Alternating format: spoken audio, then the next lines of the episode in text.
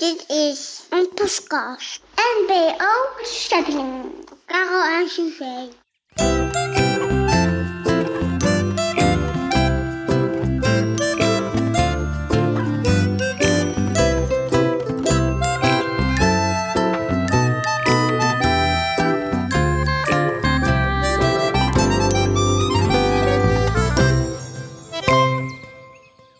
Pluisje keek om zich heen. Wat een hoop bomen stonden hier. Het zag er heel anders uit dan in het glooiland waar hij en Bolletje woonden. Daar stond alleen de grote kastanjeboom. Hier stonden wel tien kastanjebomen en nog veel meer andere bomen waarvan hij de naam niet kende.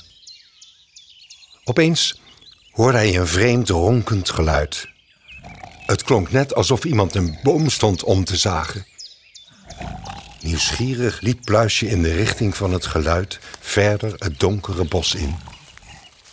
Het geluid kwam uit een diep hol, verscholen in het struikgewas.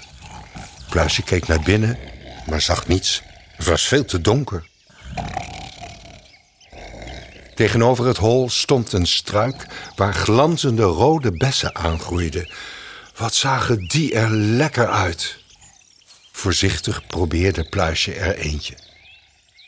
Ondertussen ging het ronkende geluid door.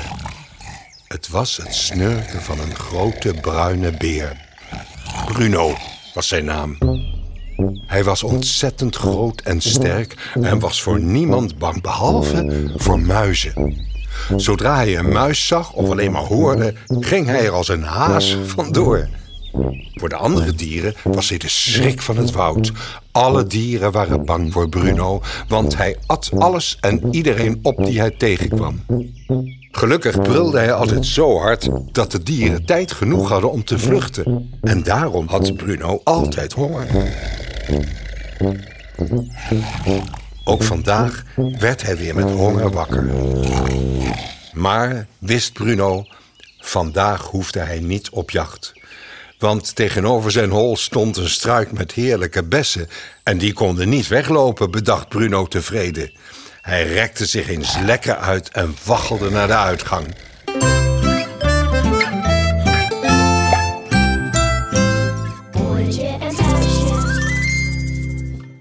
Wat waren die besjes lekker, zeg. Snel nam Pluisje er nog een, en nog een, en nog een. En toen drie tegelijk. Daarna een paar monden vol. En opeens waren er geen besjes meer. En toen merkte Pluisje opeens dat het geronk was opgehouden. Hij keek om en keek recht in het woedende gezicht van het grootste beest dat hij ooit gezien had. Bruno liet een dreigend gegrom horen. Waar zijn mijn bessen? Eh, eh, uw bessen?